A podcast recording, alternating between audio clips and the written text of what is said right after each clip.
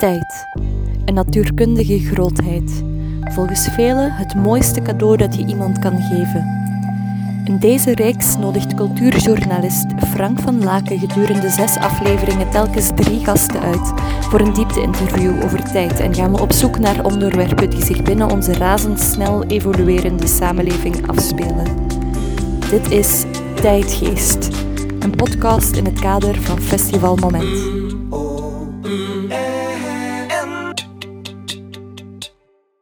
Mijn gasten voor vandaag stel ik even voor. Jerry Aarts, cultuurmanager, of moet ik nu zeggen... ex- nee, gepensioneerd cultuurmanager. Esme Bos, zangeres. En Koen van Mechelen, conceptueel kunstenaar. Met hen gaan we ook eh, praten over wie hun mentor is geweest, als er al zo iemand geweest is in het eh, verleden, of nog altijd.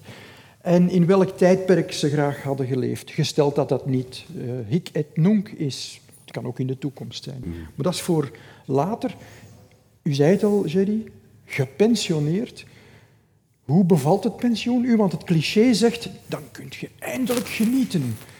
Eh, dat dacht ik ook, ja. Ehm, maar het was wel iets anders, omdat de, de, de laatste zes maanden van mijn beroepsleven, dus, eh, nu ongeveer een jaar geleden dat ik met pensioen ben gegaan, eh, dat was al binnen die coronaperiode die voor niemand leuk was. Maar als je iets organiseert met mensen in een zaal, is dat voor iedereen die daarmee te maken heeft gewoon gedaan.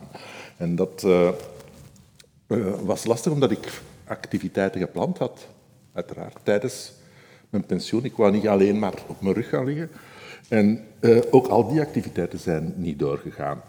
Ehm, voor andere zalen, voor, voor, artiesten. Artiesten waar je projecten mee uitwerkt, eh, wiens plannen niet kunnen doorgaan. Dat is allemaal heel vervelend. Voor mij nog het minst vervelend van allemaal op dat moment. Maar eh, toch, je leeft daarmee mee. Je wil eh, dingen, je ervaring inzetten in, in zo, ja, die, die wereld waar mensen die hulp ook kunnen gebruiken. En dan zie je het allemaal doorgaan. Dus, eh, en tot en met de zeer grote dingen, internationale symfonische orkesten in, in een grote zaal als de Elisabethzaal in Antwerpen. Dus al sinds eh, maart eigenlijk van vorig jaar geen enkel van de concerten die ik gepland heb kunnen doorgaan. Dus Ja, want- eh, leuk is anders. U was eh, directeur van de Single, ehm, wat toch een zeer actief kunstencentrum, cultuurcentrum is. Niet alleen voor Antwerpen, maar eigenlijk voor, voor heel Vlaanderen. En ja, plots was dat niks meer. Dat was ja, dicht. Eh, het is een korte periode open geweest, september, stukje oktober, waar alles voor maxima van 200 mensen in de zaal eventjes kon.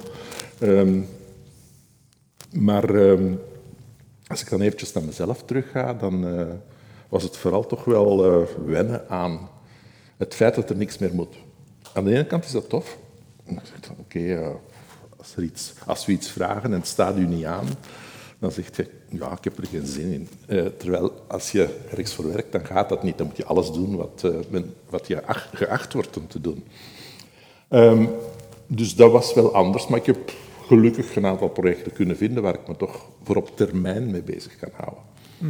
Ja, want u, u doet nog de programmering van klassieke muziek. De klassieke, cons- de grote symfonische concerten in Elisabethzaal, die door de Single worden georganiseerd.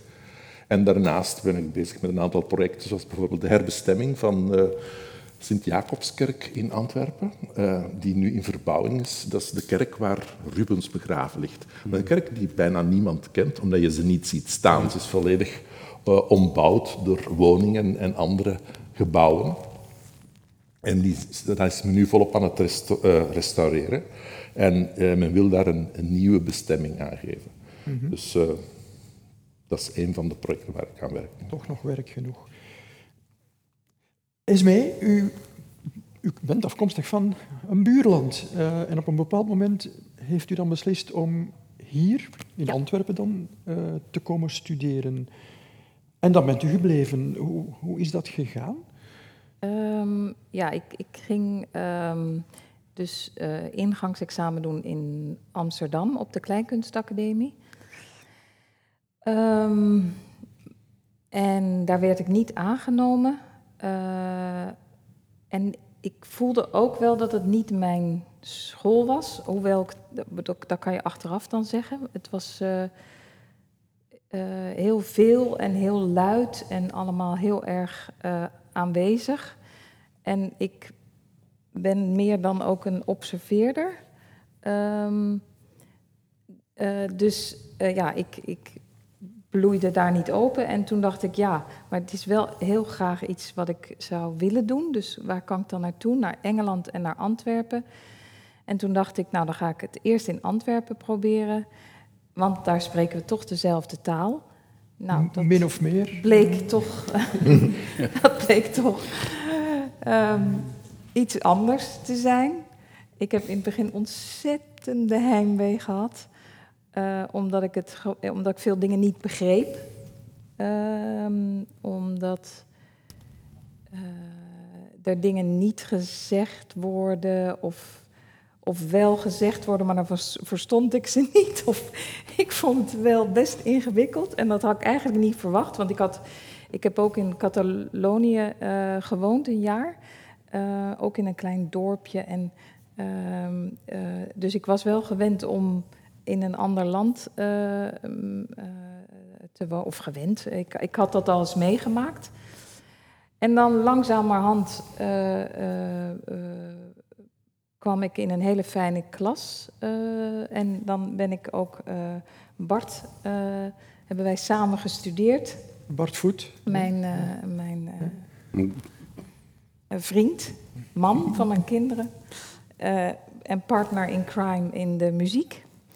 En, ehm, maar op, uh, dus ja, en dan woon ik strakjes uh, langer in Antwerpen dan dat ik ooit in Den Haag gewoond heb. En ondertussen spreekt u de taal? Nee, dat wordt heel raar bij mij als ik dat probeer. Oké. Dat probeer ik wel eens, maar dat is een, een, dan voel ik mij helemaal ja, ik, ik ken actrices die dat heel goed kunnen in Nederlands en dan van het Vlaams. En, maar ik, nee, bij mij werkt dat niet. Muzikaal even, u bent backing vocaliste geweest bij Deus. U heeft met Gabriel Rios gewerkt, met kapitein Winocchio. Ja. Um, El Tattoo del Tigre, op Werchter gestaan, Pukkelpop, toch ja, voor een grote massa. Um, wereldtop van bij ons, uh, zegt Annemie Tweepennings van Radio 1. Waarom horen we u dan zo zelden op de radio? Dat is een hele goede vraag.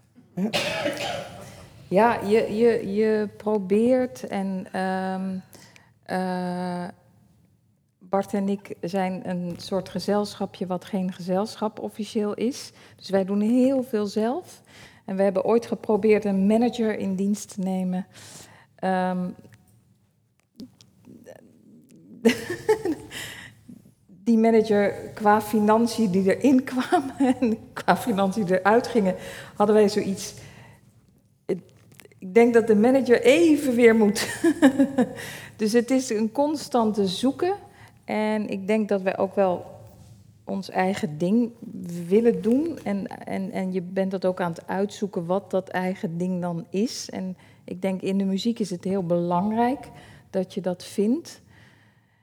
En een tijdje geleden kreeg ik de paniek dat ik dacht, ik vind het denk ik nooit.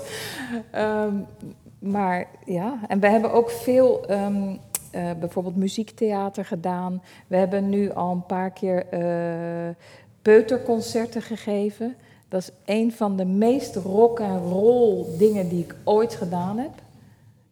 Uh, veel meer rock en roll dan El Tattoo of dan Deus. Of, want die, die kinderen van 2,5, 3 jaar, die zijn zo oprecht en die, die willen op het moment je aandacht en authenticiteit en eerlijkheid.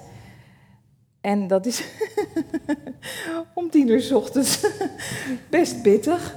Um, als je al opgebouwd hebt en onderweg bent geweest in de auto en in de file gestaan hebt. Maar het is zo onwijs dankbaar om dat te doen, dat publiek want als je ze mee hebt in ons, ja, we doen eigenlijk een soort uh, ja, theatrale concerten eigenlijk.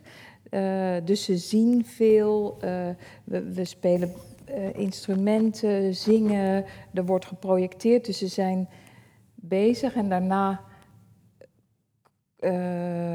lopen ze dan langs en dan zeggen ze nog even wat. Ja, het is, dat is wel. Nu denk ik, jeetje, eigenlijk zou iedere artiest die op een podium staat eerst een peuterconcert of een, iets met peuters moeten doen om te voelen van wow, dat is zo'n bijzonder publiek, omdat het je, oh, ja, het heeft mij wel heel veel geleerd op een of andere gekke manier. Maar jullie doen zeer uiteenlopende ja, projecten. En ik denk is, dat, is dat een bewuste keuze? Uh, ja, dat, dat uh, ik vind het heel leuk om zelf ook dingen te bedenken. Om niet af te wachten tot iemand me vraagt. Uh, ik vind het ook fijn om te investeren in onze eigen muziek en in onze eigen projecten. het is ook heel luxe om in iemand anders een project mee te stappen. Dat is ook heel fijn. Maar als je, je, als je een beetje je, je muziek wil um, ja, en, en je traject wil. Uh, ja, het is een beetje. Je, uh, dat is het rare. Het is geen, het is geen beelden. Het is geen. Uh, um, het is geen beeld of zo. Mm -hmm. Het zijn liedjes. Maar op een of andere manier moet je wel een wereld creëren. Een geluidswereld, een tekstwereld. Een, dus ja, dat, dat, mm -hmm. dat is uh, zoeken. Koen, als ik uw naam lees, moet ik spontaan aan kippen denken. En dat is geen persoonlijke belediging, voor alle duidelijkheid. Maar het heeft natuurlijk te maken met dat project waar, waar u 23 jaar geleden ongeveer zeker mee begonnen bent. 1998? Mm, ja, zoiets, ja. ja. ja. Um, de Cosmopolitan Chicken Project. Had u op dat ogenblik al de idee dat dit zo groots en zo wereldwijd bekend zou worden? Ja, dat is nu natuurlijk makkelijk om, om te zeggen, maar ik dacht van wel. Omdat uh, ik, denk niet, ik denk niet dat een kunstenaar aan iets begint als hij niet gelooft dat dat een, dat dat een kern heeft die, die zich verder gaat ontwikkelen. Um, je kunt natuurlijk nooit inschatten hoe groot het wordt, maar um, je voelt wel aan de kern, en dat, dat voelt je, kijk, wanneer dat er passie bij, bij komt, dan ga je voorbij je eigen grens. En dat voelt je van in het begin. En dan voelt je dat je ergens in de wereld van de magie staat. Je staat in een wereld die niet meer behoort tot de wereld en ik denk waar dat, dat je ervoor in geleefd hebt. En door daarin te staan, uh, voelt je dat dat zijn eigen snelheid heeft. Dat is kunst. En dat je op dat moment eigenlijk toeschouwer wordt van je eigen werk. gaat iets met kippen doen. En als dat gebeurt... Dat, dat klinkt niet alledaags, zeker niet zo lang geleden. Nee, uh, want we praten eigenlijk wel over 30 jaar geleden, omdat er een hele voorbereidingen... Zoals ik zei, als, als er passie mee gemoeid is, dan heb je twee zaken. Dan heb je liefde en angst. Mm -hmm. Dat wil dus zeggen, uh, je kunt dan kiezen. Hè. Als je in de angst gaat zitten, dan laat je het, dan laat je het zitten. Dat wil zeggen, uh, als er kritiek op je afkomt, ja, en je wordt daar angstig van, ja, dan, dan stopt alles. Dus je kiest eigenlijk resoluut voor liefde. En dan neem je daar alles bij. Dan zijn daar die voor- en die tegenstanders. En in het begin, als je begint met zoiets, dan is dat contemporary, zoals we dat noemen. En wat betekent eigenlijk contemporary? Contemporary wil zeggen dat je niet in de tijd staat waar je bent, maar je staat eigenlijk in een andere tijd die waarschijnlijk nog moet komen. Dus dat de mensen hè, begrijpen hetgeen wat dat je wilt vertellen, is eigenlijk volledig onwaarschijnlijk. Hè? Dus je kunt alleen maar rekenen op verwondering. Maar dat gaat ook gepaard met kwaadheid. En ik herinner mij heel goed de galerij waar ik destijds in was. Dat was, uh, dat was op dat moment Galerij De Weer. Uh, Mark De Weer is jammer genoeg overleden, waardoor de galerij eigenlijk niet meer bestaat. Die zei, wij hebben eigenlijk dat nog nooit met een kunstenaar aan de hand gehad. Uh, ofwel komen mensen binnen en they fall in love, ofwel zijn ze ontiegelijk kwaad. en, en, en, en is er geen goed woord over u te vertellen. Maar ik denk dat dat eigen is omdat een kunstwerk in zich het conflict in zich draagt. En wanneer, dat, uh, uh, wanneer dat, dat die tegenstellingen zichtbaar worden in het werk, ja, dan komt natuurlijk ook de emotionele reactie. En ja, dan krijg je al die tegenstelling. Dan krijg je goed en kwaad. Dan krijg je licht en donker. Dan krijg je al die dingen, hè, lachen en huilen en al die clichés die je maar kunt opnoemen. Maar die zitten in een werk gebald. En wat dat betreft zeg ik altijd, kunst, en dat geldt voor alle kunstvormen, denk ik, is het orakel van Delphi. Met andere woorden, heeft altijd gelijk. En dan kun je, en dan kun je zeggen, ja, wacht even. Dan kun je zeggen, dat is wel gemakkelijk. Maar eigenlijk is dat het moeilijkste wat dat er is. Want je moet in één en hetzelfde stuk dat je brengt, of dat nu een performance is of een beeld, moet dat inzitten. En daar moeten al die dingen juist bij elkaar zitten te confronteren. En dan pas is inspiratie en ontwikkeling mogelijk. Dat geeft volgens mij evolutie aan. Is dat werk ooit af? Want, want het kruisen van mm. kieperrassen lijkt mij iets waar geen eindpunt is. Mijn antwoord onmiddellijk zou zijn, ik hoop van niet. Mhm. Want uh, uh, wanneer het einde nabij is, is het einde van de kunstenaar nabij. Uh, wanneer dat uh, kunst de tijd moet overleven, er is een bepaalde definitie die ik ooit gehoord heb. Kunst is pas kunst wanneer je het ziet. Hè? als je dat gaat beginnen te ontleden en je neemt bijvoorbeeld Van Gogh, ja, die wordt altijd door de mensen die nu leven meegenomen naar de volgende generatie om te blijven, om te blijven inspireren. Maar ik denk wat dat en daar zit een beetje, een, denk ik, ook het misverstand, als er al een misverstand is over mijn werk. Heel veel mensen denken het gaat over kippen. Hè? Maar ja, het gaat absoluut. De kip is, een, is, is eigenlijk het vehikel waarop dat de inhoud draait. En het gaat eigenlijk over ons, maar het gaat in, uh, in essentie over kruisen. En dus uw, uw echte onderwerp gaat over kruisen en de vitaliteit daarvan. En dan is het nog eens geënt op de domesticatie, niet op wildlife. Hè? Want um, daar zit een grote vergissing. Hè? Wij zijn gedomesticeerde wezens. En doordat wij gedomesticeerde wezens zijn, hebben wij ook kunst. Kunst is des mensen. En een kunstenaar die probeert zo kort mogelijk bij die natuur te komen. Waar hij dus nooit in slaagt. Hè? Mhm. Omdat hij nu eenmaal um, een wezen is dat um, die twee kanten heeft. Dat dat zowel de buik als het verstand is, dat op een of andere manier in die contradictie moet leven. En dat brengt ook al onze problemen mee, maar ook de goede dingen. Sinds een paar jaar is er ook La Biomista in, in Genk. Wat is daar het opzet van?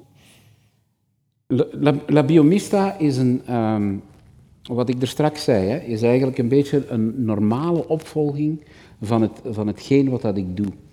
En um, als, ik, als, ik, als ik mijn weg moet ontleden, dan begint, en ik denk dat dat wel geldt voor iedere kunstenaar, maar waarschijnlijk ook voor ieder mens, hè, die intens bezig is met hetgeen wat dat hij wil uitdrukken.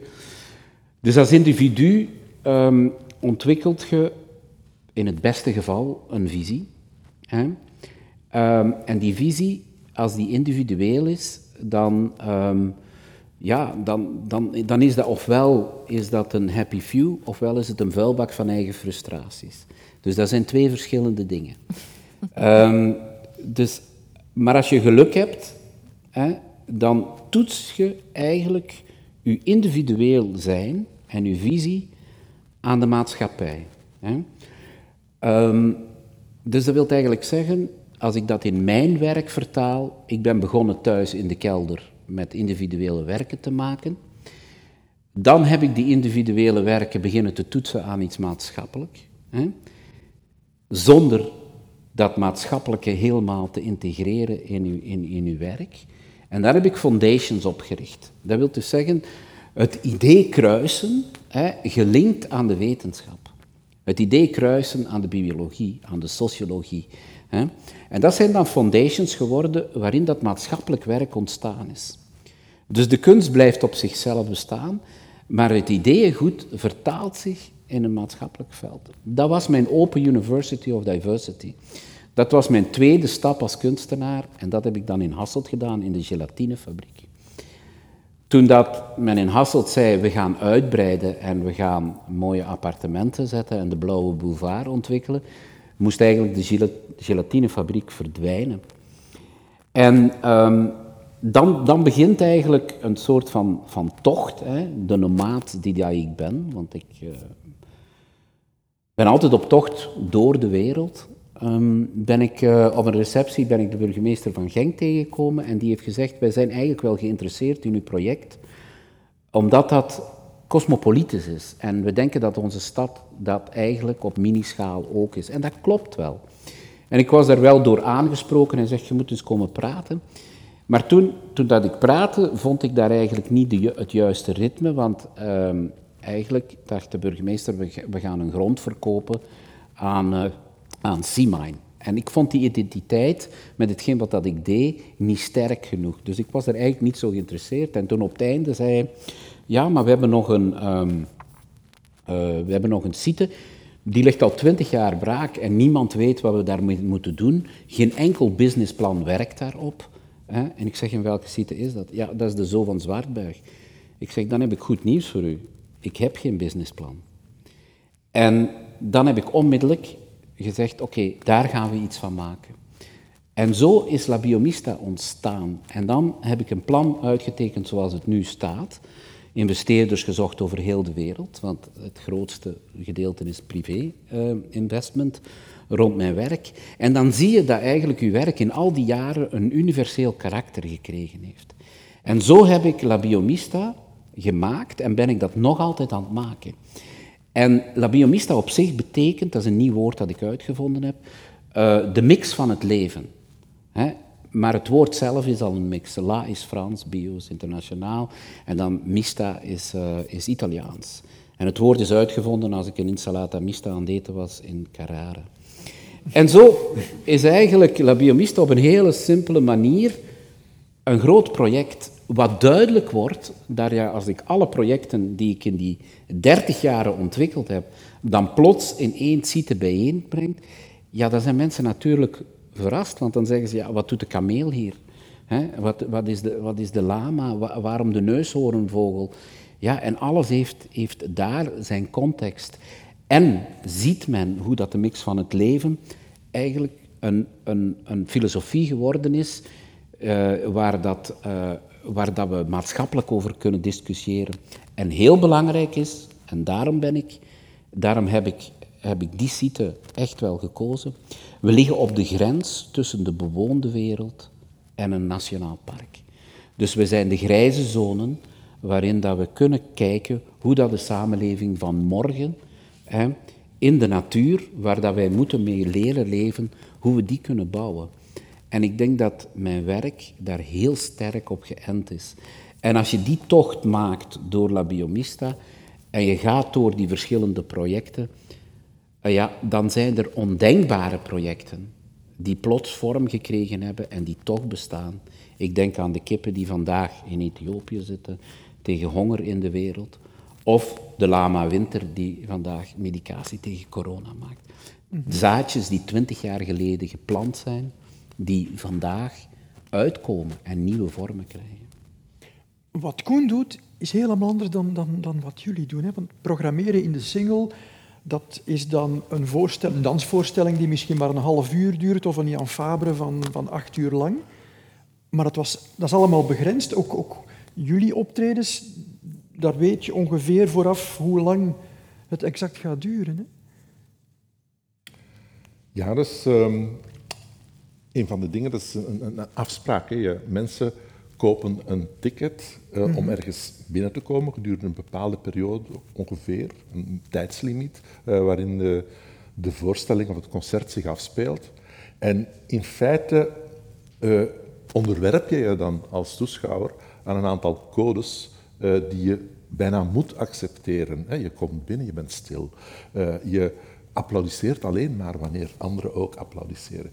Terwijl dat niet altijd hoeft. Uh, soms denk ik, waarom applaudisseren de mensen tussen bepaalde bewegingen van een, van een klassiek muziekstuk? Nu is het niet omdat dat, als dat op dat moment zeer goed is uitgevoerd, waarom zou je dan niet uh, applaudisseren? dat is allemaal zo in, afgeleid. En mensen durven niet. Uh, en ze zouden misschien meer moeten durven. want dan gaat misschien ook die relatie tussen de kunstenaar die daar op dat podium staat en het publiek in die zaal een beetje dichter bij elkaar brengen. En dat, dat gaat de, de, eenheid waar je toch naar streeft, dat het publiek mee één wordt met de, de kunstenaar die daar op dat podium zijn, uh, zijn passie laat uh, zien en horen, ja, dat mag directer. En toch uh, ja, zijn er die beperkingen. Die hebben niet alleen met tijd, maar vooral met rituelen te maken. Mm. Nu, u bent um, ehm, 37 jaar geleden, als ik goed kan delen, 38 jaar geleden in de single gekomen. Mhm. Ehm, toen als uh, assistent van Frielijzen, die daar al een paar jaar zaalbeheerder was, zoals dat oorspronkelijk heette. Want de mhm. single was een zaal die vooral zo, zo, zoveel mogelijk moest verhuurd worden om geld op te brengen. Het was bijna conciërge. Ja. En als je dan ziet waar de single anno 2021 staat, of laten we even terugdraaien, want het is lastig nu, want mhm, ja, het, is, het, heeft, het, heeft, lang stilgelegen, maar waar het vorig jaar stond toen de zaak dichtging, dat is een enorme evolutie geweest. Uh, ja, dat was enorm. We waren met heel weinig mensen toen. Uh, ik was denk ik de elfde werknemer en daar waren, uh, van die elf waren er zes technici, theatertechnici. Dus we waren met heel weinig in een gigantisch groot gebouw waar wel een conservatorium ook was, een, hogeschoolopleiding, zoals dat nu heet, uh, voor muziek, uh, theater. En daar is ook later dans bijgekomen. En dat was heel veel oppervlakte. Uh, twee grote zalen die in feite gebouwd waren voor die school, maar daar niet echt geschikt voor waren, want die waren te groot voor die studenten om hun dingen te doen terwijl ze studeerden. En het was dan ook nog aan de rand van de stad gelegen, dus er waren veel tegenindicaties. En uh, wat er dan gebeurd is, dat is dat uh, ik de uitdaging heb gekregen om daar iets van te maken. Eerst zonder geld en met een, een, uh, ja, met een directeur, Frielijzen, een, een, zeer gepassioneerde vrouw, waar het voor de eerste keer in mijn leven was dat ik in een werksituatie die passie voelde. Ik had ervoor in de reclame gewerkt en uh, ook nog uh, maar voor speelt ook gitaar? Ik speel ook gitaar, ja. En ik had die passie gevoeld tussen mijn 13 en mijn 17, want ik veel op podia heb gestaan. En, uh, ja. en dan dacht ik, ja, ik wou me dan gaan inschrijven in datzelfde conservatorium toen, toen ik 17 jaar was. En ik begon daar te praten met mijn mogelijke medestudenten. En ik voelde die passie niet. Ze zeiden, ja, wij komen hier uh, en we willen zo snel mogelijk uh, lesgeven in een uh, muziekacademie. Dan dacht ik, ja, op zich is dat goed om ernaast te doen, maar je komt hier toch studeren om, om te spelen, om, om voor een publiek dingen te doen. Niemand van degenen die daar toen zaten, we waren met, met een vijftal, had die intentie. Ben ik eigenlijk kwaad geworden uh, ik ben daar weggegaan, ik ben iets anders gaan studeren. Uh, ik kon me dat niet voorstellen, dat, dat mensen alleen maar gingen studeren om les te geven. Uh, in, wanneer ze voor dat beroep kiezen. Maar, maar, maar het is toch niet omdat zij daarvoor kiezen dat u daarvoor had moeten kiezen? nee, dat klopt, maar ik, ik liet me meeslepen door zoiets van... Ik heb, ik heb vijf jaar op het op podium gestaan en ik weet echt wel wat het is, ook als kind. En als dat degene is waarmee ik nu samen moet studeren, dan, dan doe ik het niet.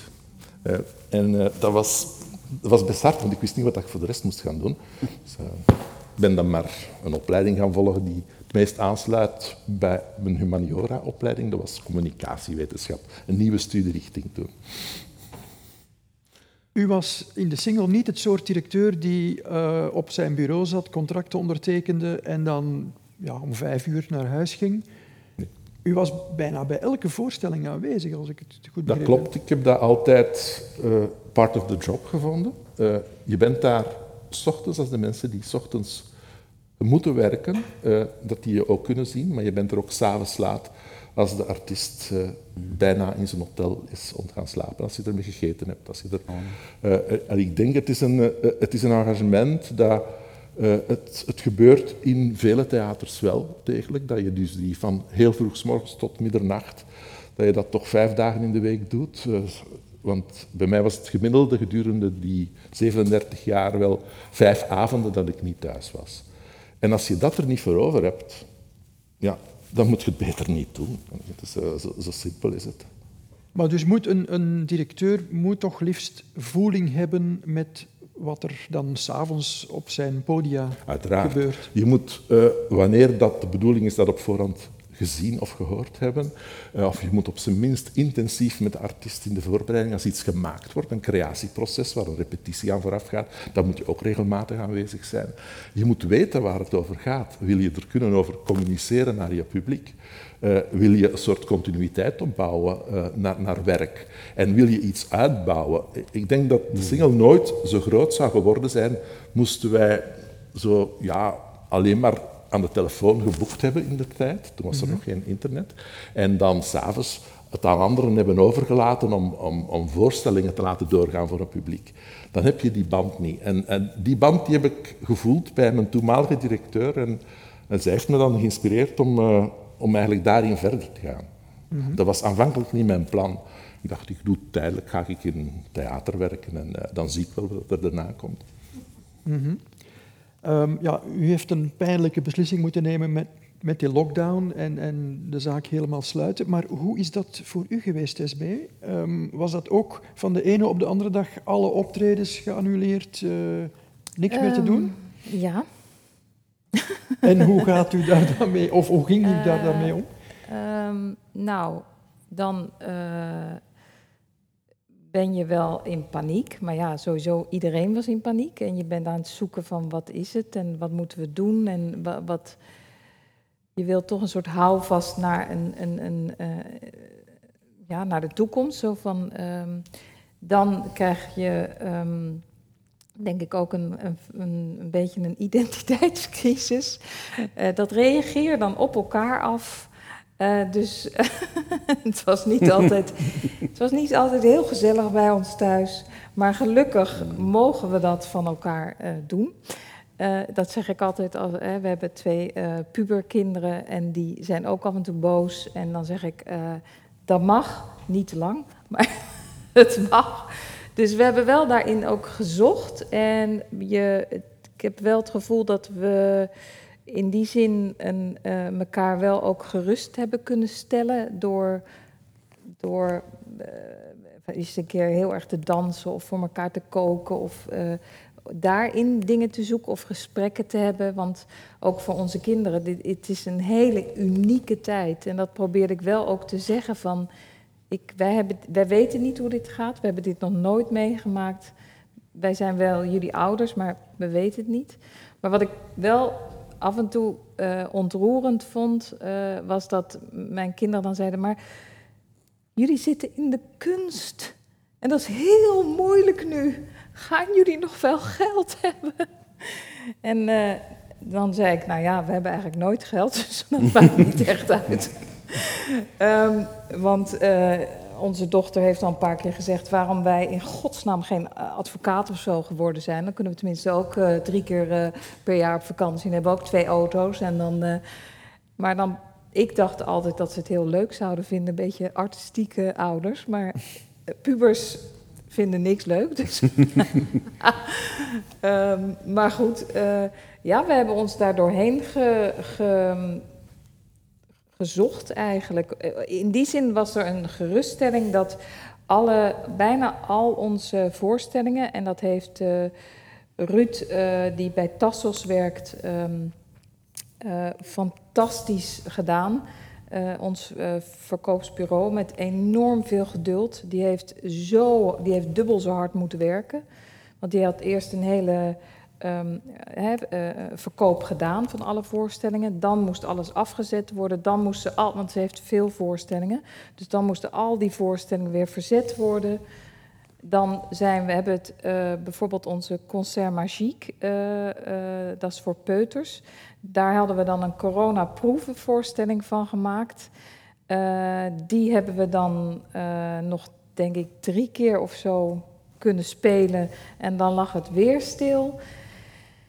Dus je wordt wel uitgedaagd in, in een bepaalde flexibiliteit. En, maar ik denk als muzikant of, of, of acteur of maker dat je sowieso altijd wel redelijk flexibel moet zijn. Ehm, of daarin getraind wordt om dat te zijn. Als je dat van jezelf niet echt heel erg bent. Dus het is een goede oefening. Maar ehm, ja, en nu uh, in die zin dat, dat, dat het vooruitzicht er is dat het verplaatst kon worden, dat niet alles maar uh, weg was. Mm -hmm. Die hoop was voor mij heel belangrijk. En wat zijn de vooruitzichten nu? Uh, dus die is alles terug normaal? Ja. ja die concerten. de concert, de, het Ella-concert wat we hier hebben mogen maken daar zijn ook een aantal uh, uh, concerten van. Dus, um, en we hebben nog een podcast gemaakt. Die kwam dan heel toevallig eigenlijk op ons pad. Dan heb ik zelf nog bij een uitgever ben gaan vragen of we muziek op, een muziekboekje van Concert Magique mochten maken. Dan hadden we nog een dierenliedboekje wat we gemaakt hebben, wat al stond. Maar dan moest ik al die mensen want ik, moest, ik wilde verschillende artiesten um, of zangers of muzikanten um, zoeken om. Want die dierenliedjes zijn in verschillende talen. Dus ik heb heel erg zitten zoeken naar mooie dierenliedjes in verschillende talen. Maar dan, dat moest allemaal via de telefoon en dat ging zo ontzettend traag. En ook uh, een um, uh, zangeres die kwam uit uh, Albanië. En die heeft dan uiteindelijk in Londen het voor ons ingezongen en dan doorgestuurd. Uh, maar op zich, um, het, was, het, het is wel ook een hele mooie zoektocht. En we kregen die tijd ineens.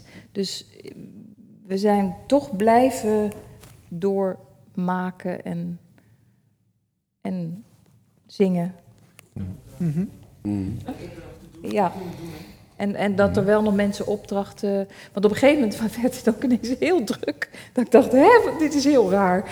Ineens was alles weg. En dan moesten, werden we door die gevraagd om in, uh, in buiten op pleintjes van bejaardenhuizen te spelen. Dan uh, in, in een tuin. Dan, in, dan uiteindelijk kon dat niet, want we moesten die, dat dierenliedboekje af hebben. Dus het werd ineens ook raar genoeg nog heel druk. En dan was het weer stil. En ja, het was een hele bizarre bizarre periode. Mm -hmm. uh, is mij wat mij interesseert, is, uh, zijn jullie, wanneer er iets uh, geannuleerd was of ja. uitgesteld, ja. betaald of een percentage betaald geweest uh, op het moment dat het afgelast of uitgesteld was, voor die datum zelf? er, is, er zijn bijvo bijvoorbeeld, Wilrijk heeft ons heel netjes een hele kleine percentage mm -hmm. betaald, maar eigenlijk is er bijna bij bij niemand een, een, een percentage nee, betaald. Ja, om de, um, het wordt verzet. En dat is ja, wel. Ja. ja, want verzetten, dat, daarmee mm. ben je niet gediend op het moment dat er niks binnenkomt. En nee.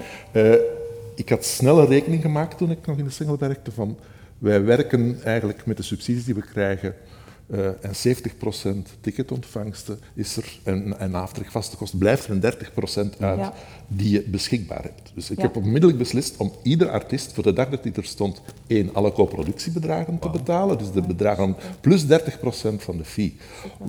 Ongeacht het feit of een voorstelling uh, naar later werd verschoven en dan volledig betaald werd. He, dat werd er niet opnieuw afgetrokken wat hij al betaald had. En, maar ik heb daar wel veel kwaad bloed mee gezet.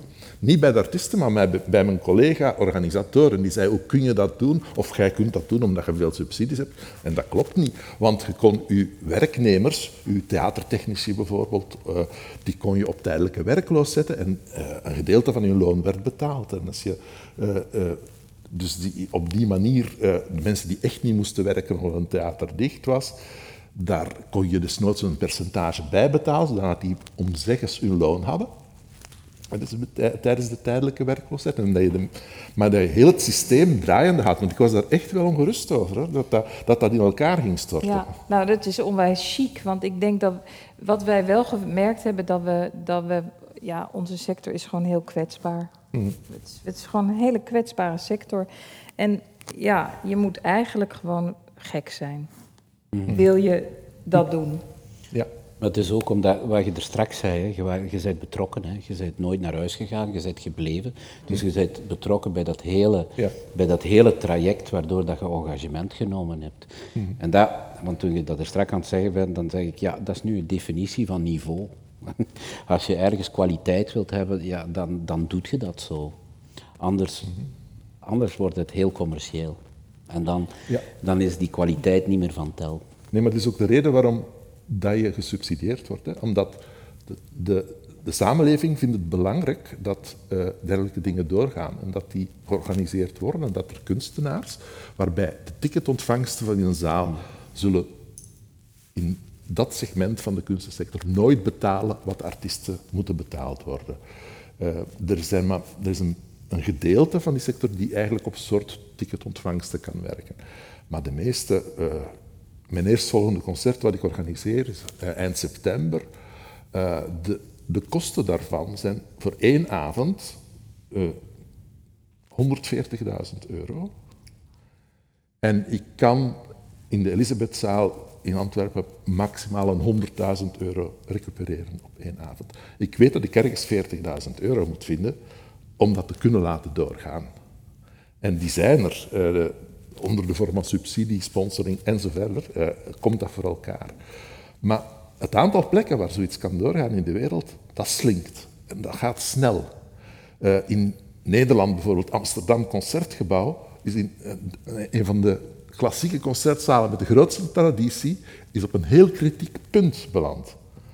Zij kunnen het niet meer aan. Ze kunnen het vooral niet meer aan omdat het volume eh, van wat ze jaarlijks doen, dat was eigenlijk de belangrijkste drijfveer om het allemaal te doen. En door dat grote volume konden ze die dingen blijven doen. En er waren ook dingen waar zij winst op maakten.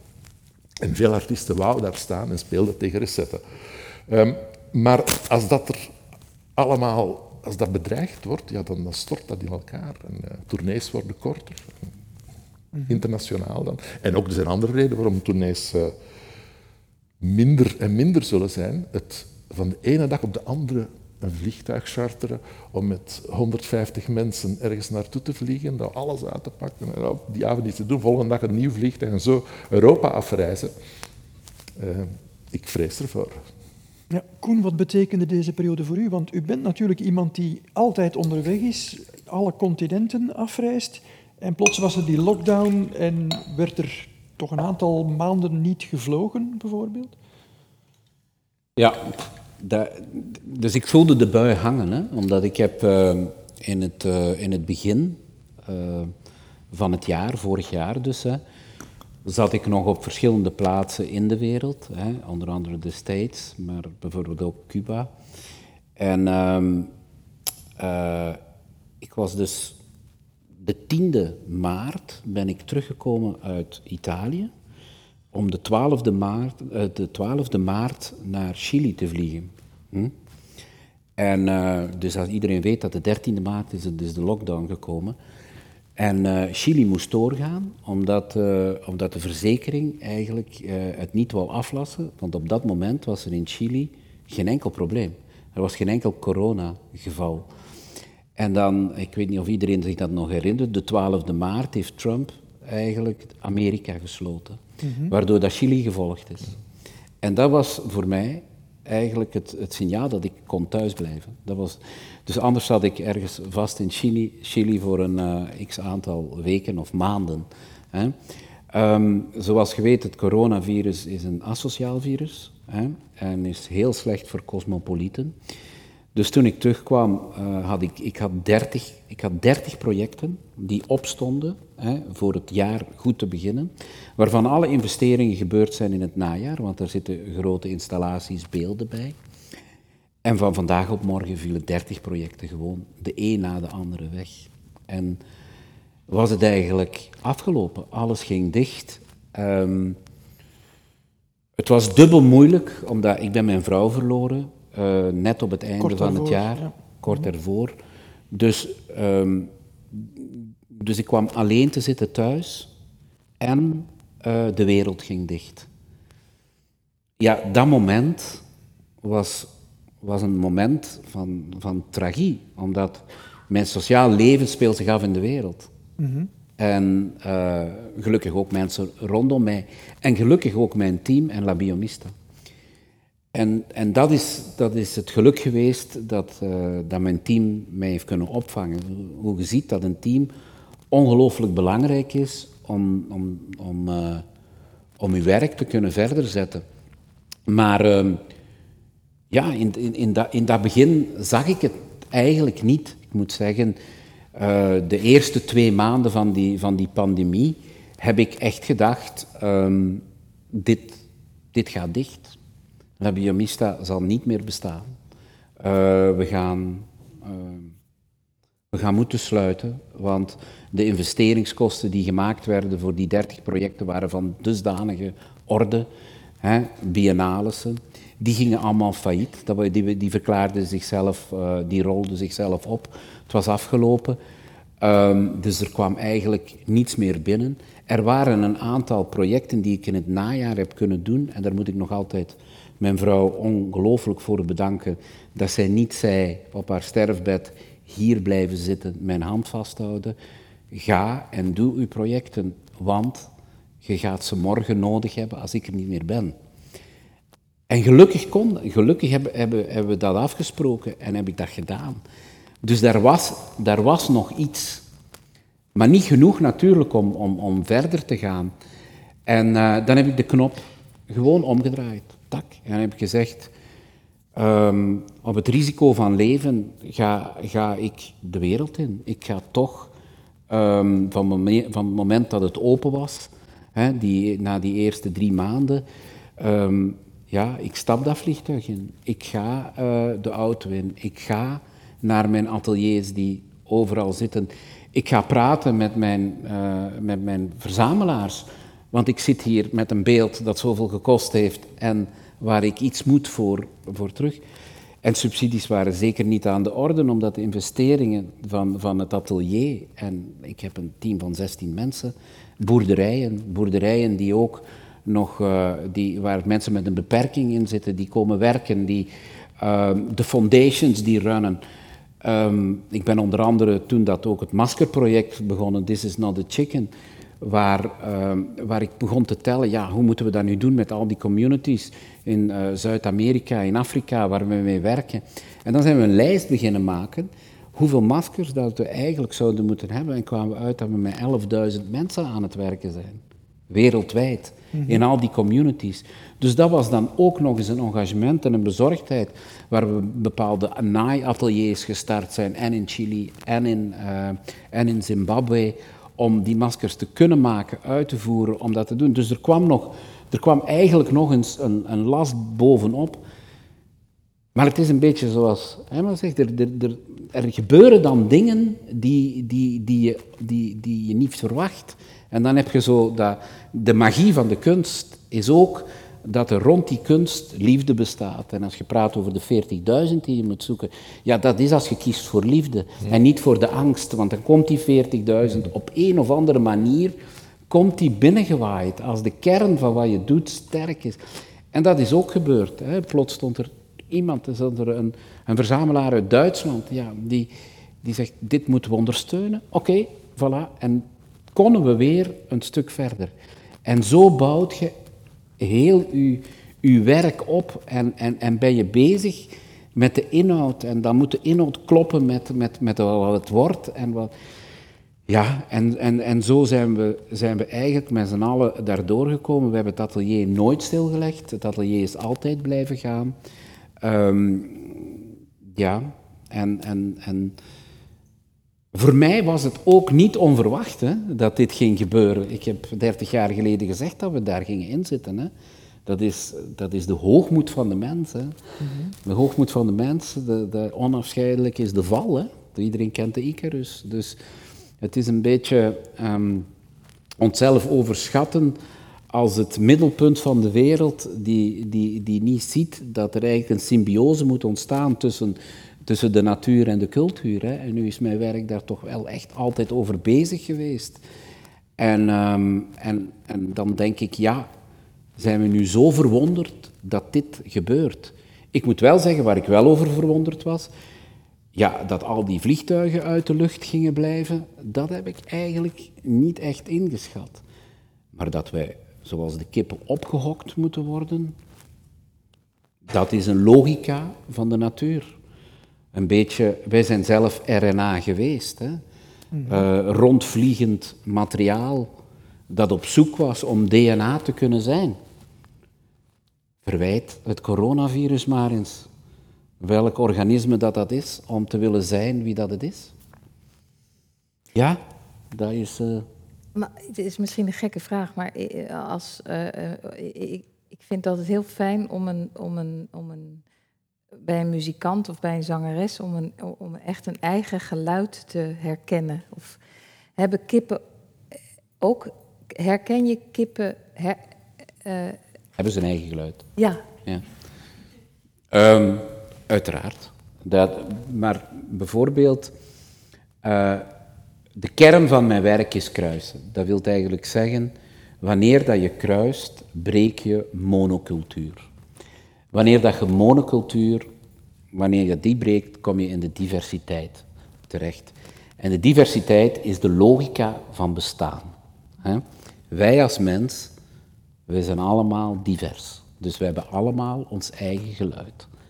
Bij de kippen is dat net hetzelfde. Als je de logica van de monocultuur breekt, dan krijg je allemaal individuen die een eigen geluid hebben. In een kippenstal Ehm, van een uh, industriële producent ga je dat eigen geluid niet terugvinden. Daar heb je één en hetzelfde geluid dat weliswaar altijd door elkaar gaat, maar dat is de kopie van de genetica. En dat heeft eigenlijk heel weinig bestaanstoekomst, omdat dat altijd de eindigheid inhoudt. En daarom is het kippenproject ook zo logisch in zijn, uh, het Cosmopolitan Chicken project, is, een hele, is iets heel logisch. Dat gaat over wie zijn wij. Hè? En um, wat, wat eigenlijk um, ongelooflijk is, vind ik, hè? om dan dat even te zeggen, dat wij over diversiteit moeten praten. Ik vind het eigenlijk schandalig dat we daar moeten over praten. Diversiteit is een gegeven en is de basis van uw bestaan. En dat we daarover moeten discussiëren en daarvoor moeten, uh, moeten vechten, ja, dat vind ik eigenlijk, dat, eigenlijk is dat, ik kan, ik kan daar met mijn verstand niet bij. Hè. Waar we wel over moeten praten, dat is iets totaal anders. Wat is de balans tussen de productiviteit en de diversiteit? Dat is iets totaal anders. Dat wil zeggen, hoe bouwt je je maatschappij op? En daar heb ik proberen ook, en probeer ik nog altijd, hè, eh, een antwoord op te geven door uit de Cosmopolitan Chicken de Planetary Community Chicken te creëren. En wat wil dat dan zeggen? Dat is de ehm, dat is de cosmopolitische kip, hè? die kip die altijd maar kruist en de grote diversiteit. Dat is, dat is een, een globale kip, hè? zodanig dat die zijn diversiteit terug kan afgeven aan productieve kippen die lokaal verankerd zijn. Of dat nu in Ethiopië, in Zimbabwe, Chili of in, in België is, hè? daar ga je de eigenheid van het land hè, kruisen met de absolute diversiteit. Want in die kip, die cosmopolitische kip, daar zit nu wetenschappelijk bepaald, daar zit 13 miljoen DNA in. Dat is niet uh, meer DNA, maar er zitten kopies op. En die kopies geven die diversiteit. En wat heb ik dan ontwikkeld met die Planetary Community Chicken? En dat is een doorbraak voor in de communities in de armste landen ter wereld, hè, waar we dan uh, een boerderij gesticht hebben, meerdere boerderijen, Ethiopië, Kenia, Zimbabwe kruist je dus de lokale kip met die cosmopolitische kip. En dan krijg je eigenlijk diversiteit en productiviteit bij elkaar. En dat geeft en diversiteit en productiviteit. En wat daar een doorbraak aan is, is dat er, dat er over dualiteit gedacht wordt. Met andere woorden, dat het nooit gaat over één soort, maar dat het gaat over verschillende soorten. En dat je niet moet praten over één boerderij, maar dat je moet praten over twee boerderijen. En als er iets is wat een grote kracht geeft in het leven, dan is het die dualiteit. En als we dat filosofisch bekijken, Ja, dan moet je maar eens kijken naar je hersenpan. Hè. Daar zitten twee delen en de ene dicteert de andere kant van je lichaam en de andere ook de andere kant. En als je dat als een kruisbeweging ziet, dan is er volgens mij de grote filosofie van het kruisen aan de orde om te kunnen bestaan. Of ongeveer zoiets. Ik hoorde u de kracht van het leven zeggen. Misschien moeten we nu even die vraag stellen die we aan alle gasten stellen. Wie is uw mentor? Ik ga bij u beginnen, Jerry. Uh, bij mij was dat zonder twijfel uh, die vrouw die mij enorm geïnspireerd heeft. Uh, passie heeft overgebracht. Ik, ik, kwam wel uit een gezin, met, mijn vader was een contrabassist. En ik, ik wist wat dat was, hè, die wereld. Ik, vroeger bijvoorbeeld als kind, vakantie gaan, dat was meegaan op tournee. en met, met, uh, met, twee contrabassen in een boot die achter de auto hing. Uh, dus je, maar dan kwam je soms in omstandigheden, en dat was de eerste keer dat ik in een, een kunstcentrum of een theaterzaal of een concertzaal kwam, waar iemand aan het roer stond die dacht, we gaan hier vooruit en we hebben ambitie. We hadden geen geld toen, dat was... Maar dat hield ons niet tegen. Er waren heel weinig mensen in die sector die, die geld, die middelen hadden. En ja, die, uh, ja, die combinatie van passie en ambitie uh, en, en dat ook willen doen voor een zo groot mogelijk publiek. Want het gaat tenslotte grote zalen. Dus het is niet leuk als er maar 50 mensen zitten in een zaal van, van 2000 of van, van 1000. Dus je moet er allemaal wat rekening mee houden, maar toch ook geen concessies naar commercialiteit doen. Want uh, dan loop je het risico dat je de subsidies niet haalt. En uh, je moet ook ja, daar een lijn in uittekenen. En, en daar voel ik ineens van, oké, dit wil ik nog lang blijven doen. Mm -hmm. Met die passie die zij dan Met die passie die zij, uh, die zij overbracht en waar zij een voorbeeld gaf. En dat uh, ook niet benauwd zijn om ook continu de wereld rond te reizen. Hè. Dus, in de, de laatste maanden dat ik met haar gewerkt ben ik, uh, zijn we samen gegaan gedurende een, eh, een, maand of drie. Overal op plekken in de wereld waar, uh, waar zij contacten had. En, en ze zei, ja, hier moet jij, want ik deed toen alleen muziek. En tijdelijk soms ook architectuurtentoonstellingen. Maar ik kwam in Tajikistan, ik kwam in Japan, ik kwam in Zuid-Amerika. En daar werd dat doorgegeven op een, op een heel naturele manier. Het is nu aan u terwijl ik officieel nog niet haar opvolger was. Mm Maar in haar hoofd wel. En uh, dat was zoiets voor mij, ja, nu kan ik niet anders dan solliciteren om haar op te volgen. En dat vond ik heel mooi, mm. dat, dat zij mij zonder te zeggen, uh, zou je niet solliciteren, me gewoon meenam om mij die, dat vuur uh, over te geven. Zo. Heeft u een mentor, Esme? Um, ik denk verschillende mm -hmm. uh, mentoren, denk ik. Ik denk mijn oma is heel belangrijk voor me geweest. Uh, mijn vader, die heel veel, uh, waarbij ik altijd heel veel emotie zag als die naar muziek luisterde. Dat heeft heel veel indruk gemaakt. ik denk mijn moeder ook wel. ik heb het rare uh, toen mijn dochter geboren werd, toen dacht ik, oh my god, die gaat mij meer leren dan ik haar. um, dat, en dus ik, ik, denk voor mij uh, um, zijn mentoren ja, som, komen op hele verschillende manieren binnen, denk mm -hmm. ik. Hoe zit dat bij u? Ja, ik had dat antwoord verwacht, omdat ik, ik zit ook zo met wat, wat, wat zijn mentoren en wanneer zijn ze daar? Mm En um, ga, als, we daar, als je op die vraag moet antwoorden, dan moet je echt wel een, een lijst afgaan van mensen die...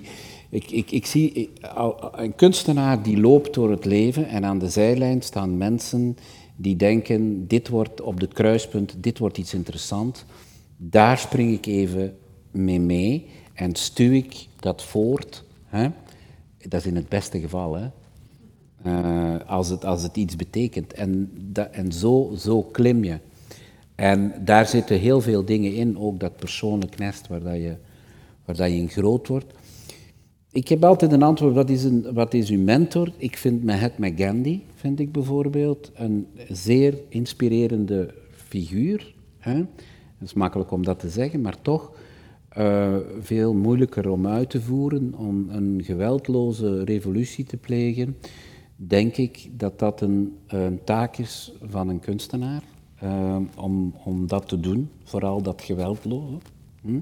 Want ieder werk dat er in de wereld door een kunstenaar ontstaat, is een geweldloze revolutie volgens mij, om evolutie te kunnen maken. Ik vind Picasso nog altijd een heel sterke uh, uh, inspiratie, ook mentor. Ik, ik, ik, ik, zie het ook als mentor, omdat je kan, als, als een werk blijft leven en ik kan er naar gaan kijken, kan dat spreken tot u als kunstenaar, waardoor dat je een gesprek voert met het werk en hoeft de kunstenaar er eigenlijk niet meer echt te zijn. En als je Picasso zegt, dan vind ik, um, voor mij, hè, dat is een persoonlijke vertaling voor mij als Picasso, dan heeft die man gezegd, nu is het genoeg, assertiviteit, we gaan, we gaan de mens construeren zoals ik dat zie. Voilà. En dus het grote sociale bewogenheid daarvan is zeggen, neem het heft in eigen handen. Hè. Voor hem was dat heel duidelijk onder uh, de repressie van Franco, hè, waar, dat, uh, waar dat iedereen moest zijn zoals uh, Franco dat wou, als dictator, waar een Picasso zegt, nee, voilà, we gaan de mens controleren gelijk, gelijk als ik dat wil. Ik vind dat een momentum in de tijd waar, waar daar iedereen door geïnspireerd geraakt, maar niemand weet echt waarom, want de ene ziet de mensen in stukken, de andere... Maar in de, in de evolutie van de kunsten heeft dat de, heeft dat de kunstenaars echt geïnspireerd. Sommigen zijn uh, de, de, de, het, het, de, de, de richting uitgegaan van het hakken en de andere van het reconstrueren. Ik, ben, ik, ik, heb, ik heb zo die twee dingen bij elkaar gedaan. Ik heb de kip gedeconstrueerd van wat hij was, om te construeren tot wat hij zal zijn. Dus dat is eigenlijk ook zo'n move om dat, om dat te doen. Dus dat inspireert mij. Dat zijn de, dat zijn grote inspiratiebronnen van Damien Hirst bijvoorbeeld, bij het hakken van de koe. Ja, die is op het punt van de fin de siècle gekomen, waar, dat hij, waar dat hij plots denkt, ja, wat moet ik nu doen? Oké, dan begint hij een restaurant. Ja, dat is het enige wat je nog kunt doen. Ja, dat is waar. Want dan kun je de energie nog maar doorgeven van het uiteenhakken, waardoor dat je een heel andere, uh, een heel andere content krijgt. Um, dus, dus voor mij is dat heel belangrijk. Persoonlijk dan uh, ik heb uh, mensen zoals Jan Kenes bijvoorbeeld, die heel pril in mijn werk gezegd heeft, Koen, je bent bezig met gevangen en vrijheid. En dat waren mijn eerste houten werken. iemand als Greggy de Maier hè, jeugdliteratuur. Die, die eigenlijk, waar, waar ik drie boeken mee gemaakt heb, die, die leerde mij dat alles mogelijk is in het leven. Dan heb ik eh, Adriano Berengo in Venetië, hè, waar ik nog altijd mee werk. Hè, die, je kon voor één dag naar New York gaan. Dat moet je leren, dat je voor één dag daar naartoe... Vandaag mogen dat niet meer, sustainable is dat niet. Maar dat gaat, dat ging. Dus, maar om maar te zeggen dat uw werk de wereld kan bereiken. En uiteraard voor onze kunsten was Jan Hoed de grote uh, bezieler waar dat je liefde en gevecht, hè, waar dat altijd samen ging, hè, uitmaken en dan samen pinten drinken. Ja. maar wel tot de kern kon komen van wat dat je nu eigenlijk doet. En het zijn die inzichten die altijd overeind moeten blijven. En ja, sorry, ik, ik, ik neem soms dingen ook heel letterlijk. Mentor, mentor, mentor. En dan ga ik zitten denken, mentor. Maar als je het hebt over inspiratie, inspiratiebron is natuurlijk Ella Fitzgerald, waar ik nu met Bart dan een, een, een concert over heb gemaakt. Is iemand die toen ik klein was en dat ik naar haar luisterde en dat ik her, nou, ik weet niet of ik het herkende, maar dat ik het, dat ik het uh, leerde Ehm, van hoe, wat, wat, doet die mevrouw? Waarom, word ik, waarom krijg ik zo'n goed gevoel als, als ik naar haar luister? Waarom krijg ik er energie van? Waarom word ik er vrolijk van. Waarom is mijn vader geëmotioneerd? Wat gebeurt hier? Ehm, en dat, en de, het gemak van haar zingen, het gemak van. Dat is me altijd bijgebleven. Dus ik denk dat dat natuurlijk ook een mentor is. Maar een mentor, ik denk dan aan een man of een vrouw. Of, uh, maar dit, ja. ja, maar uw dochter heet niet toevallig Ella. Nee, nee, nee. nee. Dus je bent echt wel een fan. Ik ben echt een fan. Um, morgenavond en zaterdagavond is de voorstelling Ella te zien in het uh, casino hier in Tongeren. Wat mogen de mensen verwachten? Um, Muziek van Ella, neem ik aan. Ja, ja, we hebben een aantal, ik heb uh, een aantal liedjes uh, gekozen die zij gezongen heeft. Uh, er zit één liedje bij wat ze geschreven heeft, want ze hield heel erg van kaarten. dus dat is een heel grappig uptempo liedje over gokken. Want ze was enorm grappig onder de muzikanten. Vertelde ze altijd een enorme moppen. Maar sociaal was ze een beetje verlegen. En op het podium werd ze een tijger.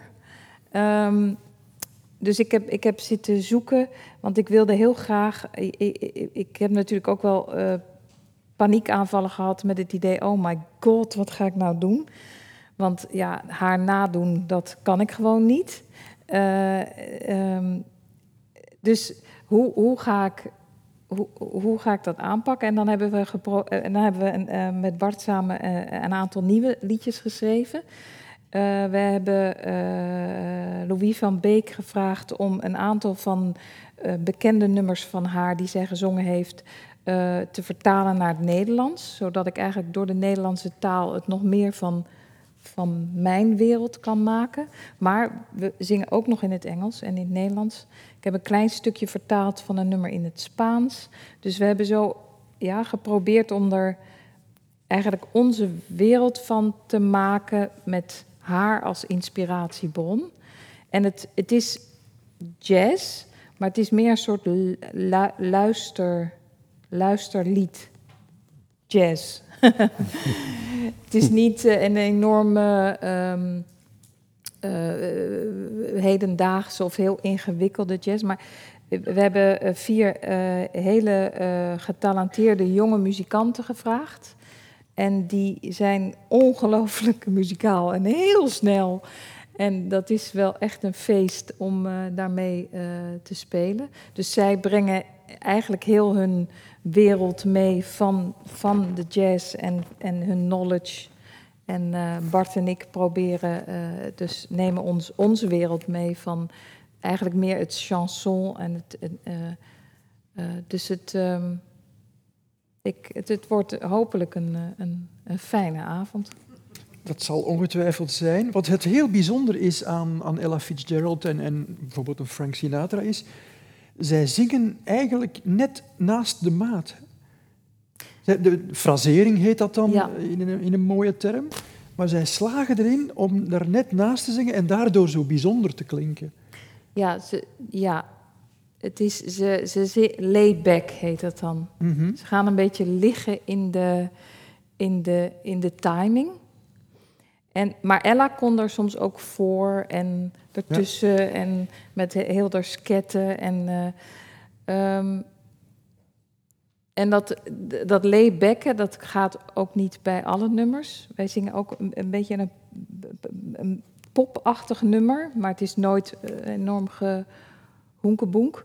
Maar, uh, uh, en, en, daar kan ik, en daar merkte ik, ah ja, hier kan ik niet echt layback. Hier moet ik echt wel meer in, in time zingen. Dus, uh, maar ja, dat is een van hun. Uh, het is eigenlijk dat laybacken en het, het een meer soort vertellen. En het heel erg verpersoonlijke, dat je het gevoel krijgt als luisteraar. Alsof, of dat heb ik toch altijd bij Frank Sinatra en Ella Fitzgerald. Alsof ze echt mij, voor mij alleen zingt. Mm. Mhm. En dat dat liedje echt over mij gaat. En uh, ja, dat is wel heel bijzonder aan hun, aan hun kundigheid eigenlijk, aan hun vakmanschap. Ja. Hebben jullie iets met uh, Ella Fitzgerald of jazz in, in brede zin? Uh, zeker. Fitzgerald was iemand waarvan bij mijn ouders thuis, denk ik, een vijftal platen in de kast stonden. En uh, bij mij staan er zeker zoveel. Het is natel, ik weet het niet. Maar sinds ik terug langspeelplaten ben beginnen draaien, koop ik er af en toe uh, onder meer van haar. En uh, jazz is iets wat me altijd geïnspireerd heeft. Ook dat komt van thuis uit. Mijn vader was een klassieke uh, muzikant, maar die uh, nam evengoed jazz- en popmuzici in zijn opleiding mee. En hij zorgde ervoor dat hij op conservatorium niet buiten gegooid werd. Vroeger, want dat was ook zo. Hij was zelf ooit buiten gegooid op het conservatorium. Niet omdat hij jazz speelde, maar omdat hij, om zijn studies te kunnen betalen, in een striptease club uh, de striptease begeleiden. Oh, wow. En uh, er was een van de leraren komen kijken en hij die vloog niet buiten, maar uh, de student wel. En, dus vandaar was er altijd zo'n soort in huis zoiets van, je moet voor alle genres openstaan. Dus niet iets van alleen maar klassiek of zo.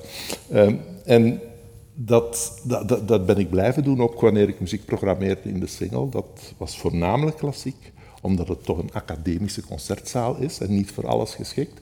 Ook niet voor alle jazztypes.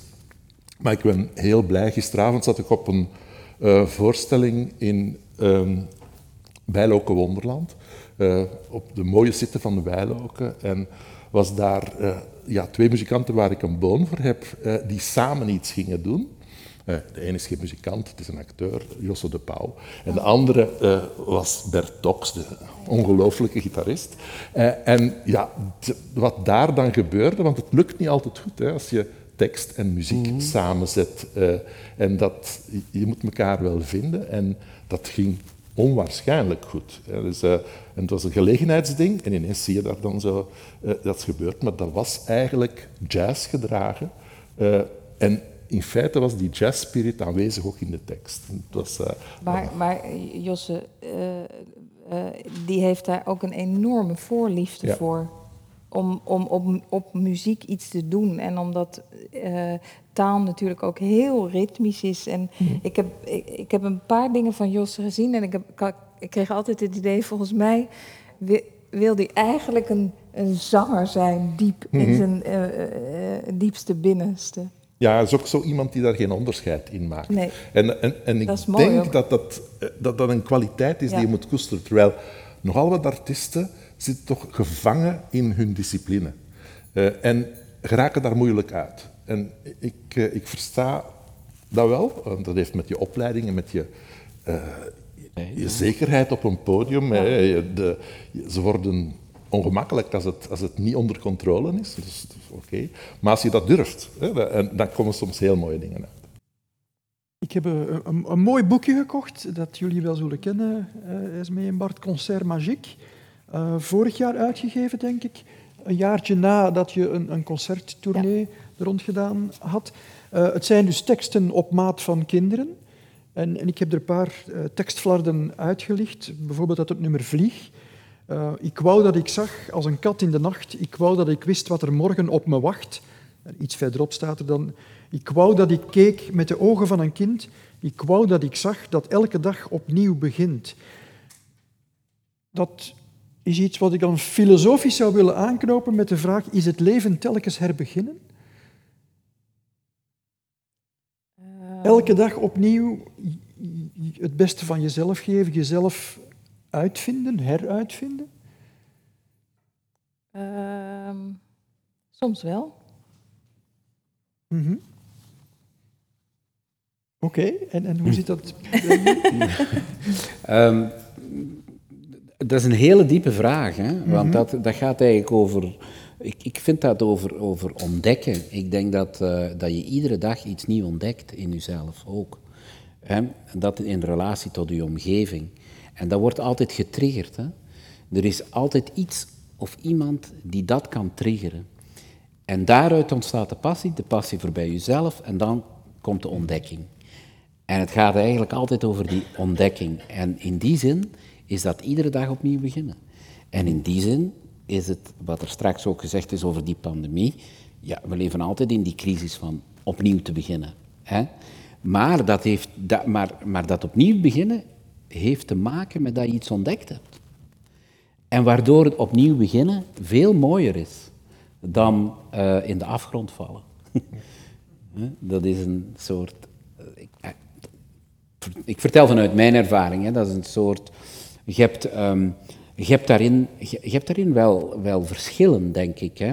Ik ben bijvoorbeeld per definitie de omgekeerde romanticus. Dat wil zeggen, ik ben aan het leven begonnen met een, met een, met een heel. Ehm, eh, toen, ik, toen ik kind was, met een, uh, met, met een bijna sombere kijk. Hè?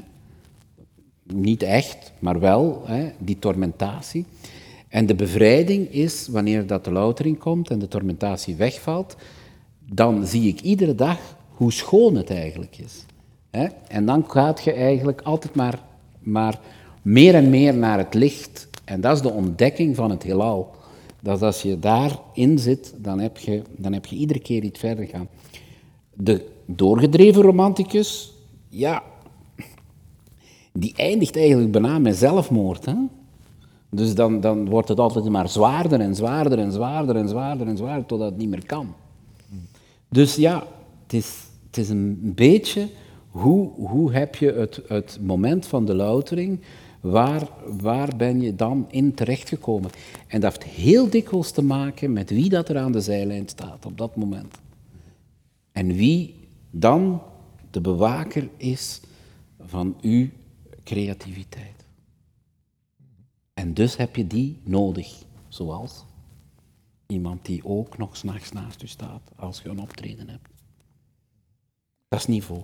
Is met pensioen gaan een vorm van herbeginnen of is dat een, een zeer kunstmatige breuk die wij zien?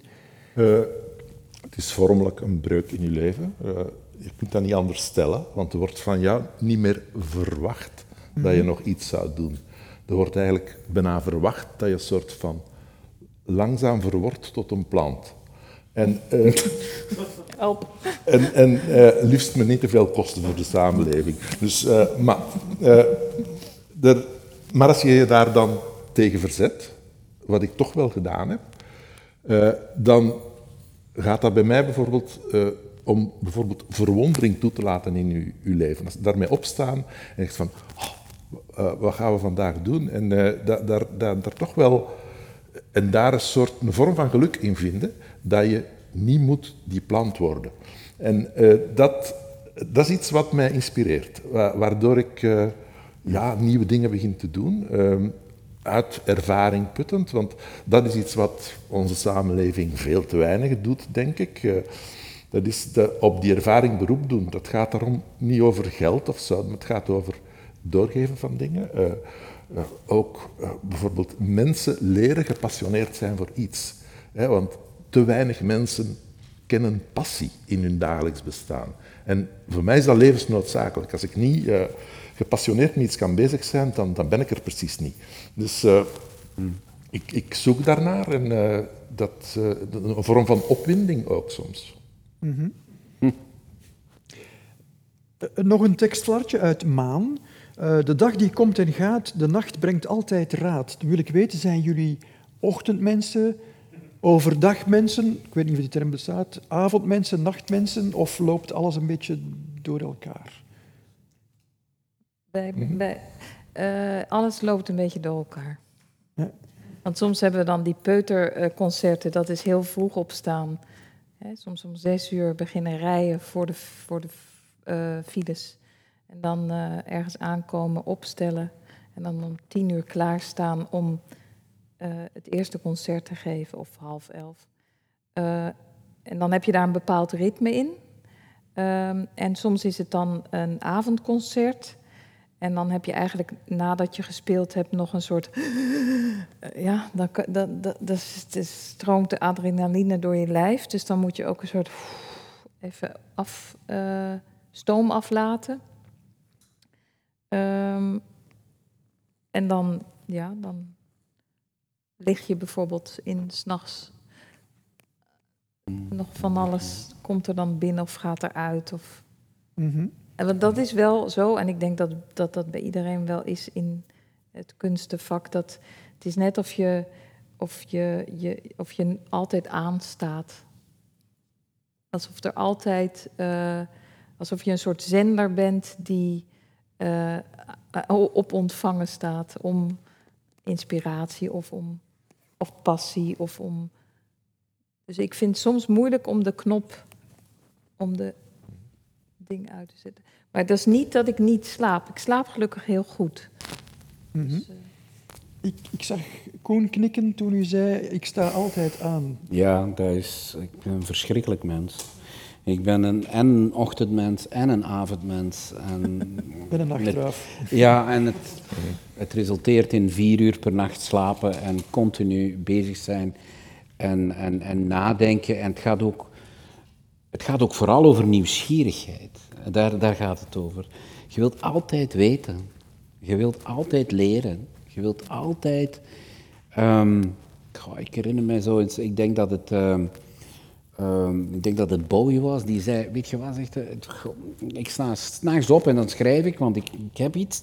Hij zegt, ik schrijf dat op, want anders is Prince ermee weg.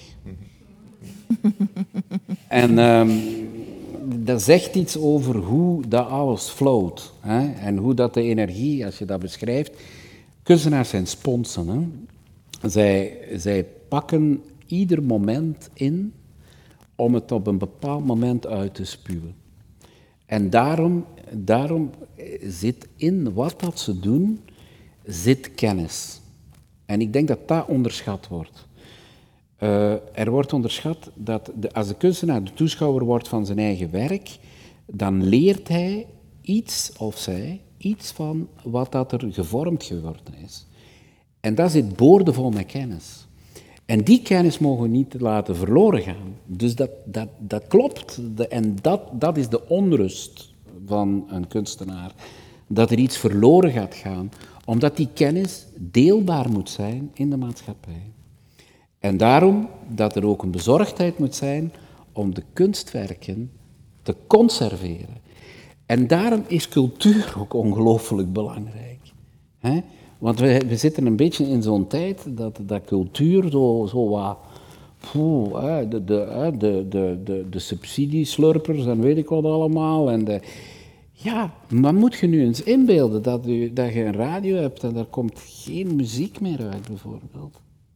Beeld u dat maar eens in. Beeld u dat maar eens in. Dat we nu nog tijdens de pandemie kunnen hebben, hè, omdat het allemaal gemaakt en bestaat wordt. Ik weet niet wat wij ons inbeelden over, over cultuur, maar cultuur is gewoon de manier waarop we, dat wij kunnen samenleven, de verstrooiing, de verleiding. De, en daar moet je als kunstenaar je engagement voor hebben en daar zit je mee bezig en dat maakt je rusteloos. Omdat je vindt dat die kennis niet mag verloren gaan. Die moet omgezet worden en deelbaar gemaakt worden. Jerry, normaal had vorig jaar eh, de post-Jerry Aarts-periode aangebroken bij de single. Door de bekende omstandigheden is het nie- nieuwe seizoen, het eerste nieuwe seizoen nu pas. Ehm, de nieuwe directie zegt wij mikken op diversiteit. Kunt u zich daar iets bij voorstellen? Diversiteit is hier al, al gevallen als een heel belangrijk eh, woord.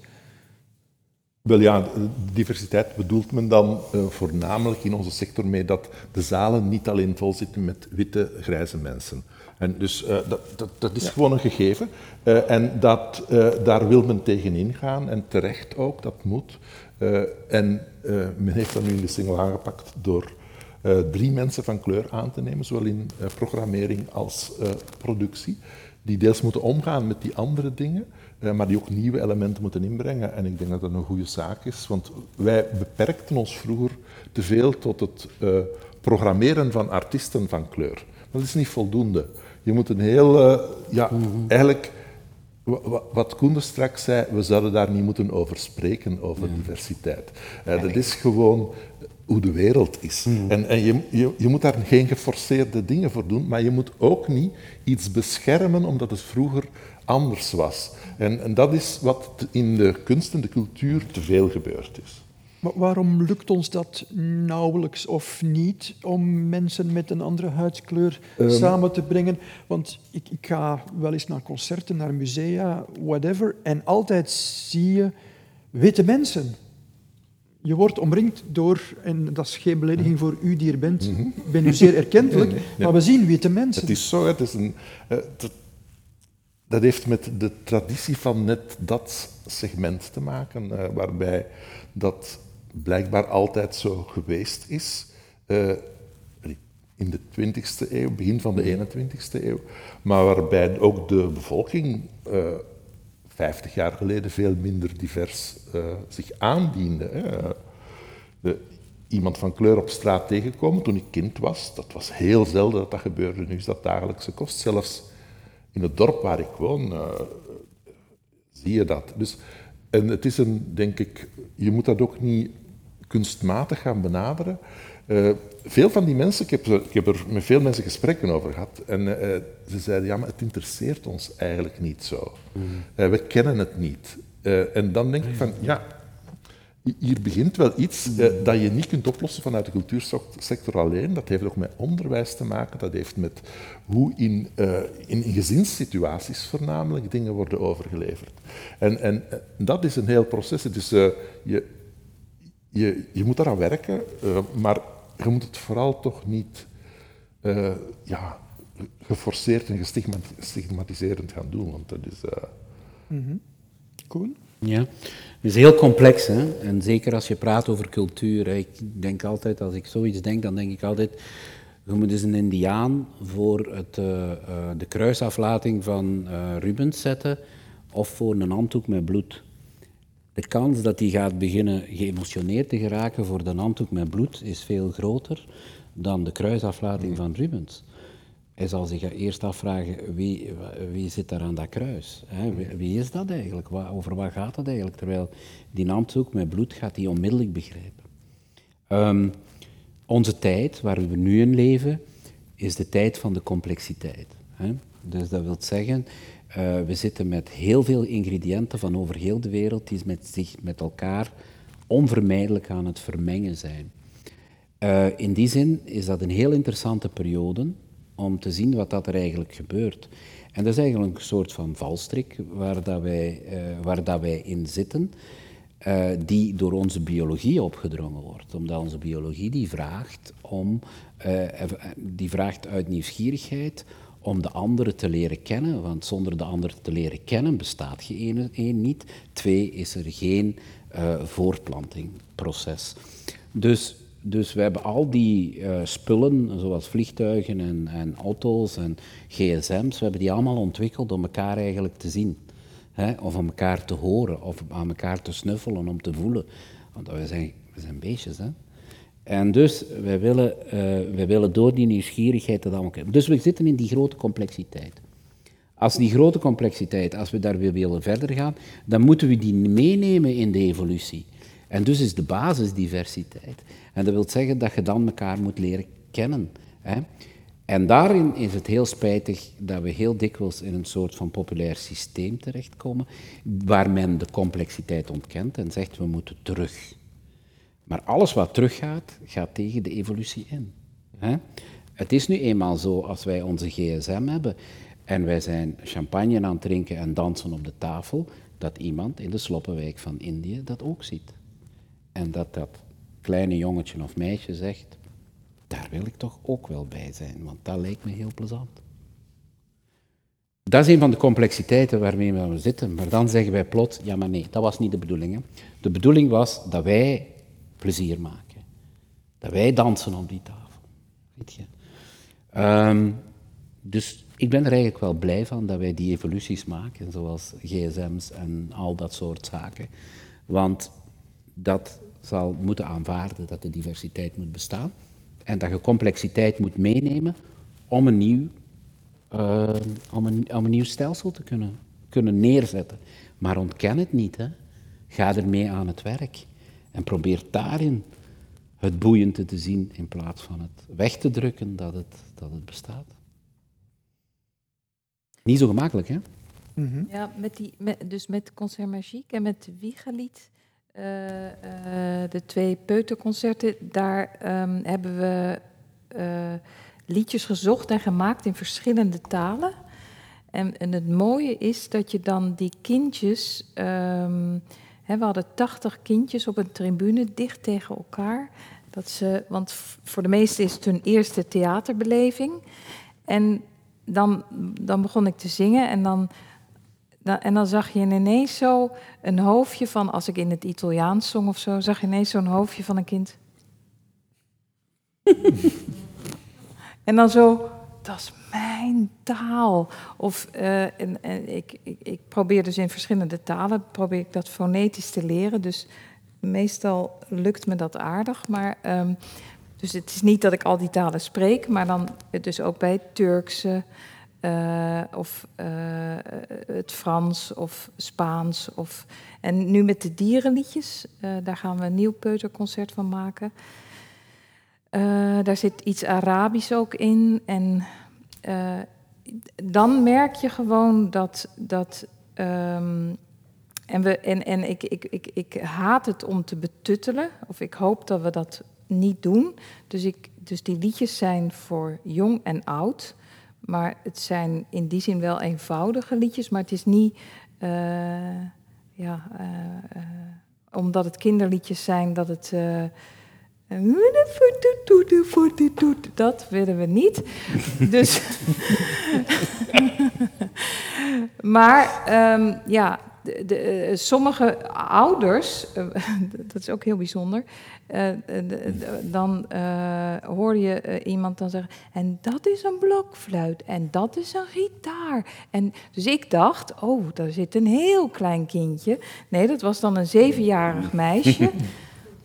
maar dus op een of andere manier is er soms bij, bij ouderen uh, de, de schrik dat de jonge kinderen iets niet gaan begrijpen. Hmm. Maar het, het mooie vind ik van dat publiek is dat ze zo openstaan, dat ze zo zelf interpreteren, zelf hun beelden maken, zelf.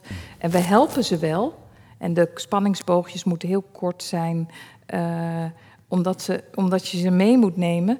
Maar ik merkte heel erg in dit diversiteit van taal, dat we ze heel, ook heel erg konden meenemen. En dat het feit dat je een andere taal hoort die anders klinkt en die ze misschien niet begrijpen, maar dat het dan ook niet meer iets raar wordt. Want hé, hey, dat is de taal waar Jan thuis in spreekt? Of spreken jullie dan dat daar ook iets daardoor ontstaat? En, en het is niet dat wij daarin heel educatief iets wilden maken. Ik wil, vind het fijn als het beleven en luisteren.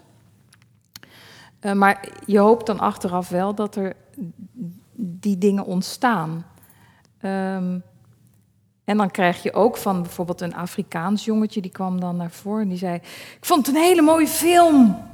En dan zei ik: Ah, ja, maar uh, maar dit is theater. Of ik had een gesprekje. En dan voel je van, ah ja, die is alleen nog maar een keer naar de film geweest. Of naar de tv, die zijn nog nooit naar het theater geweest. Of een, een jongetje wat naar me toe kwam. Ik vond het helemaal niet mooi. maar dan wel de hele tijd bij me blijven staan. En ik had een groot soort je, uh, uh, een, een, een, rok van mijn moeder uit de jaren tachtig. Heel felle kleuren, die, die, vond ik heel mooi toen als kind. Maar daar had ik een soort um, sjaal van gemaakt, waardoor het leek, een soort vogel leek het. dus die wilde de hele tijd aan die sjaal voelen.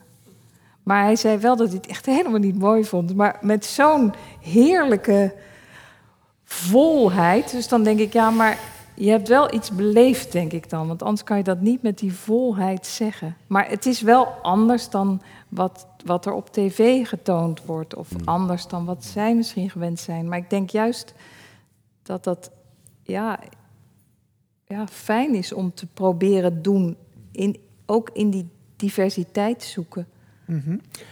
Helemaal in het begin zei u dat u nu al langer in Vlaanderen woont dan in Nederland. Ja. Er is een, recent een Vlaamse politicus geweest die het een goed idee vond om Vlaanderen te laten aansluiten bij Nederland. Um, begon u dan spontaan te juichen of zegt u laat maar zo?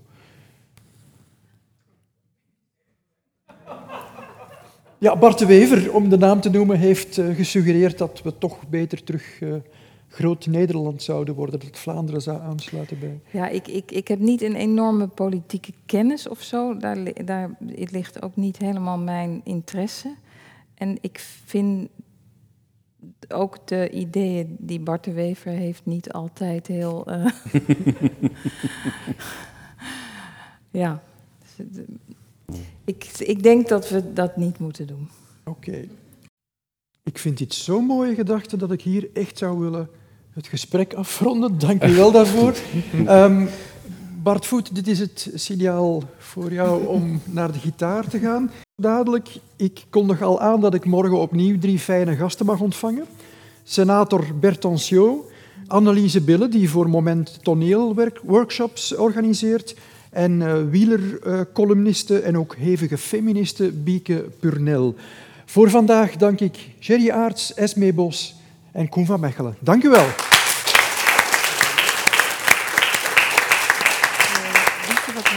uh, gaan spelen hebben Bart en ik voor onze zoon geschreven. Of ja, ja.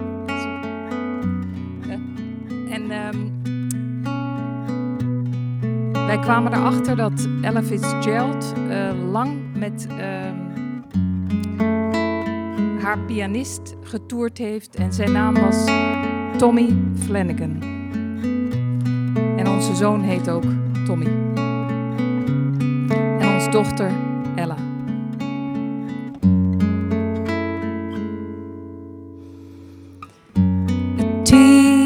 for Tommy, a B for boy, an L for life to bring you joy, brother, an S for son, an M for man, a gentle one. Tommy boy, Tommy boy, Tommy boy, you're such a funny boy. Shy, sweet, comic, you're complete. Let's sail away into the night.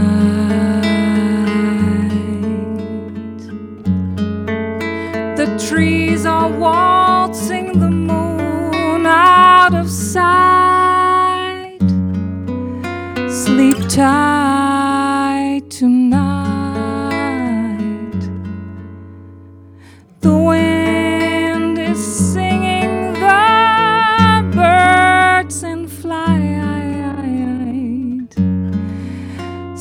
Tight tonight.